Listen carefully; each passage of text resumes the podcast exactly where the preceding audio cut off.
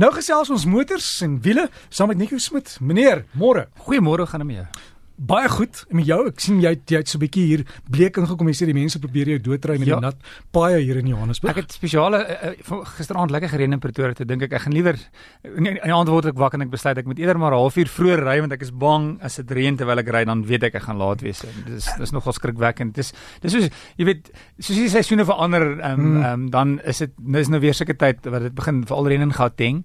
Ehm um, en ehm um, dis vir al die eerste reëns, gelukkig is dit nou verby. Die paai is baie glad. Hulle is baie hoekom is dit is dit hulle sê dis olie ja, op die pad, olie, olie en rubber. So daai olie en rubber stukkies sit nou ehm um, in in in in die teer en wanneer wanneer die eerste reëns lig dit alles op. Dis hoekom die, dis hoekom dis hoekom die pad glad is. So is dit hoekom ek vanoggend op pad ateljee toe toe ek by verkeerslig wegtrek, net gewoon weg, toe sit as my kar so begin gly. Ja, da da dis ek geskrik want jy weet jou jou motor het alles uit uit al die remme en die stelsel wat jy moet hê, maar hy het nog steeds gegly. En en alles gaan deur die bande, dis nog steeds ja. die ding is en en en dit gaan oor die, die oppervlakte en as die oppervlakte baie glad is, ehm um, is dit maklik vir die vir die voertuig om te gly.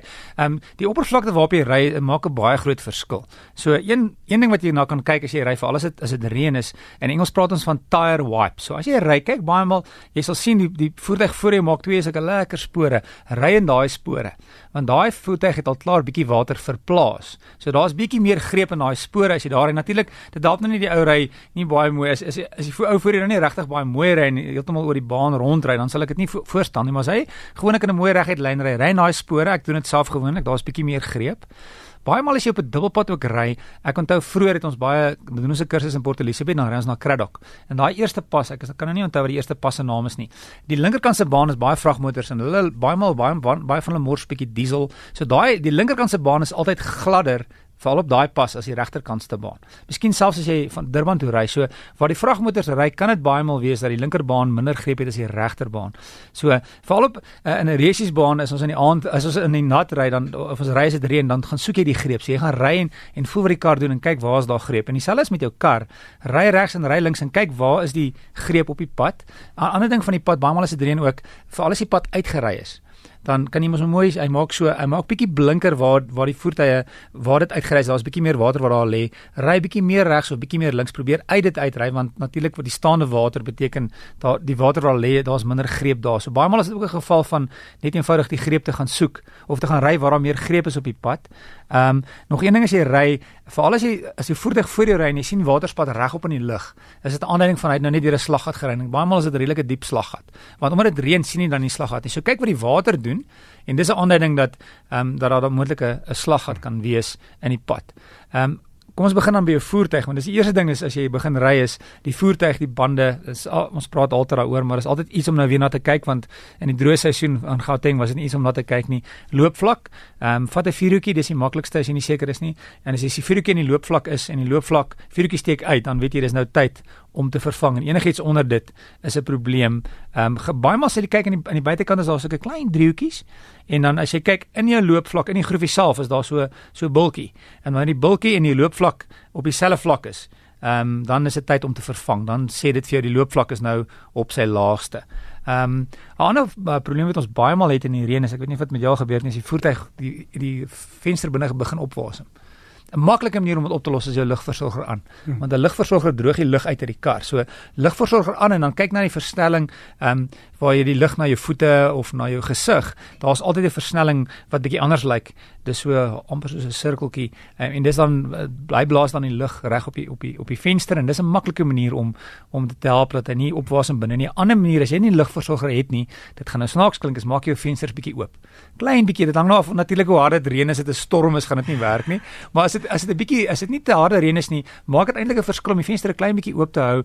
Ehm um, ehm um, en dit dit kan 'n verskil maak in die, in in die voertuig. Ek persoonlik is nie baie lief vir vir goeders wat jy op die venster kan sit om om om om om dit te help nie. Ek ek het nog nooit regtig 'n probleem gehad nie, selfs om net omdat ek die lugversorger gebruik, maar ek weet daar is produkte wat jy op die venster kan sit en dit kan sekerlik vir sekere mense werk om bietjie te help vir die vir die vir die waterdruppels um, in die voertuig.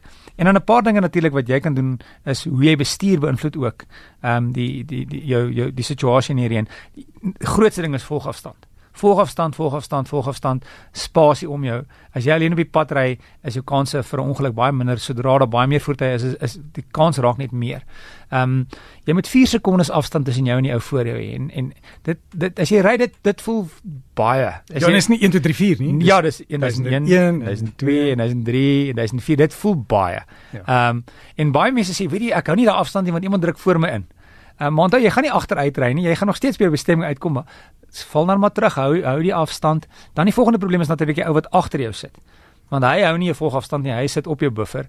Laat hom verbygaan. Hy gaan maar eerder uit die pad uit. Laat hom verbygaan dat hy eerder moeilikheid andersins ergens gaan maak. Moet hom nie blok of keer of nou maar in die vinnige baan sit nie. Laat die ouens wat haastig is eerder verbygaan. Ehm um, en en en maak vir jouself spasie en dan ook natuurlik pas jou spoed aan by die toestande. As dit reën, ehm um, kan jy nie meer 120 noodwendig ry in 'n 120 sone nie omdat dit reën. Beteken nie jy ry 40 nie, maar as dit as dit begin hard reën, pas jy spoed aan by die toestande en wat jy gemaklik is. Maar dit beteken ook dan hou uit die vinnige baan uit want daar gaan altyd ouens wees wat wat gaan vinnig ry um, in die reën.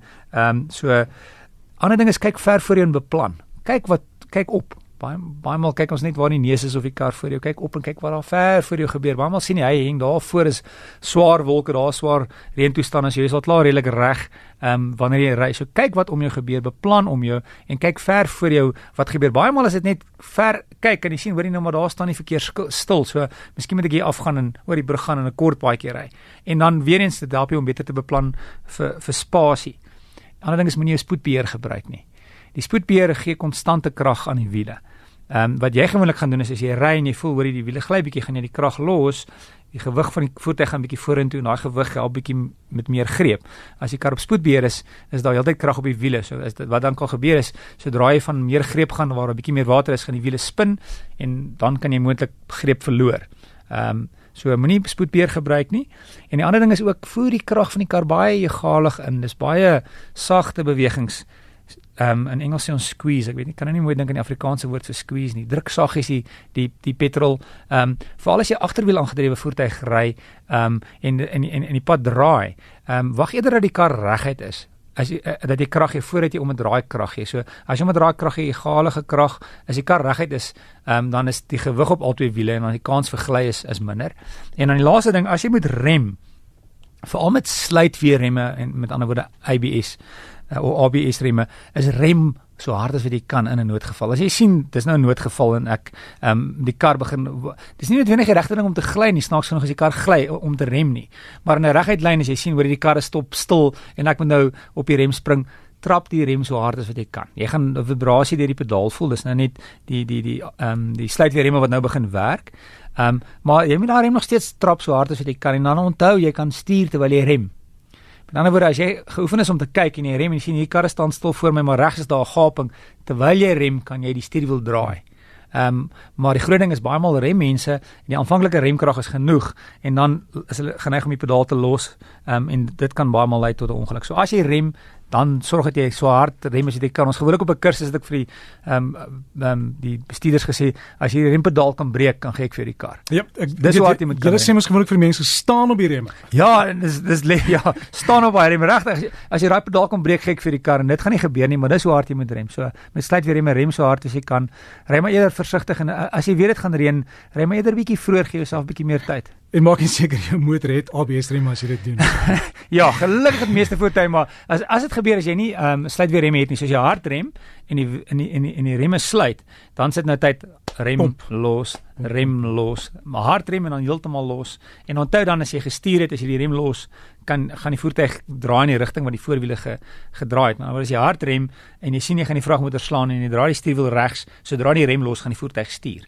So dis ook uh, iets om te doen. En natuurlik weer eens dit nou tyd om te besef, is altyd goeie belegging om 'n om 'n glibblad of 'n skietpan kursus te doen om jouself bietjie meer te leer en bietjie meer gemakliker te wees as as jou kar gly. En veilig ry. en drink jou hartpilletjies voor die tyd. die arme passasiers ook.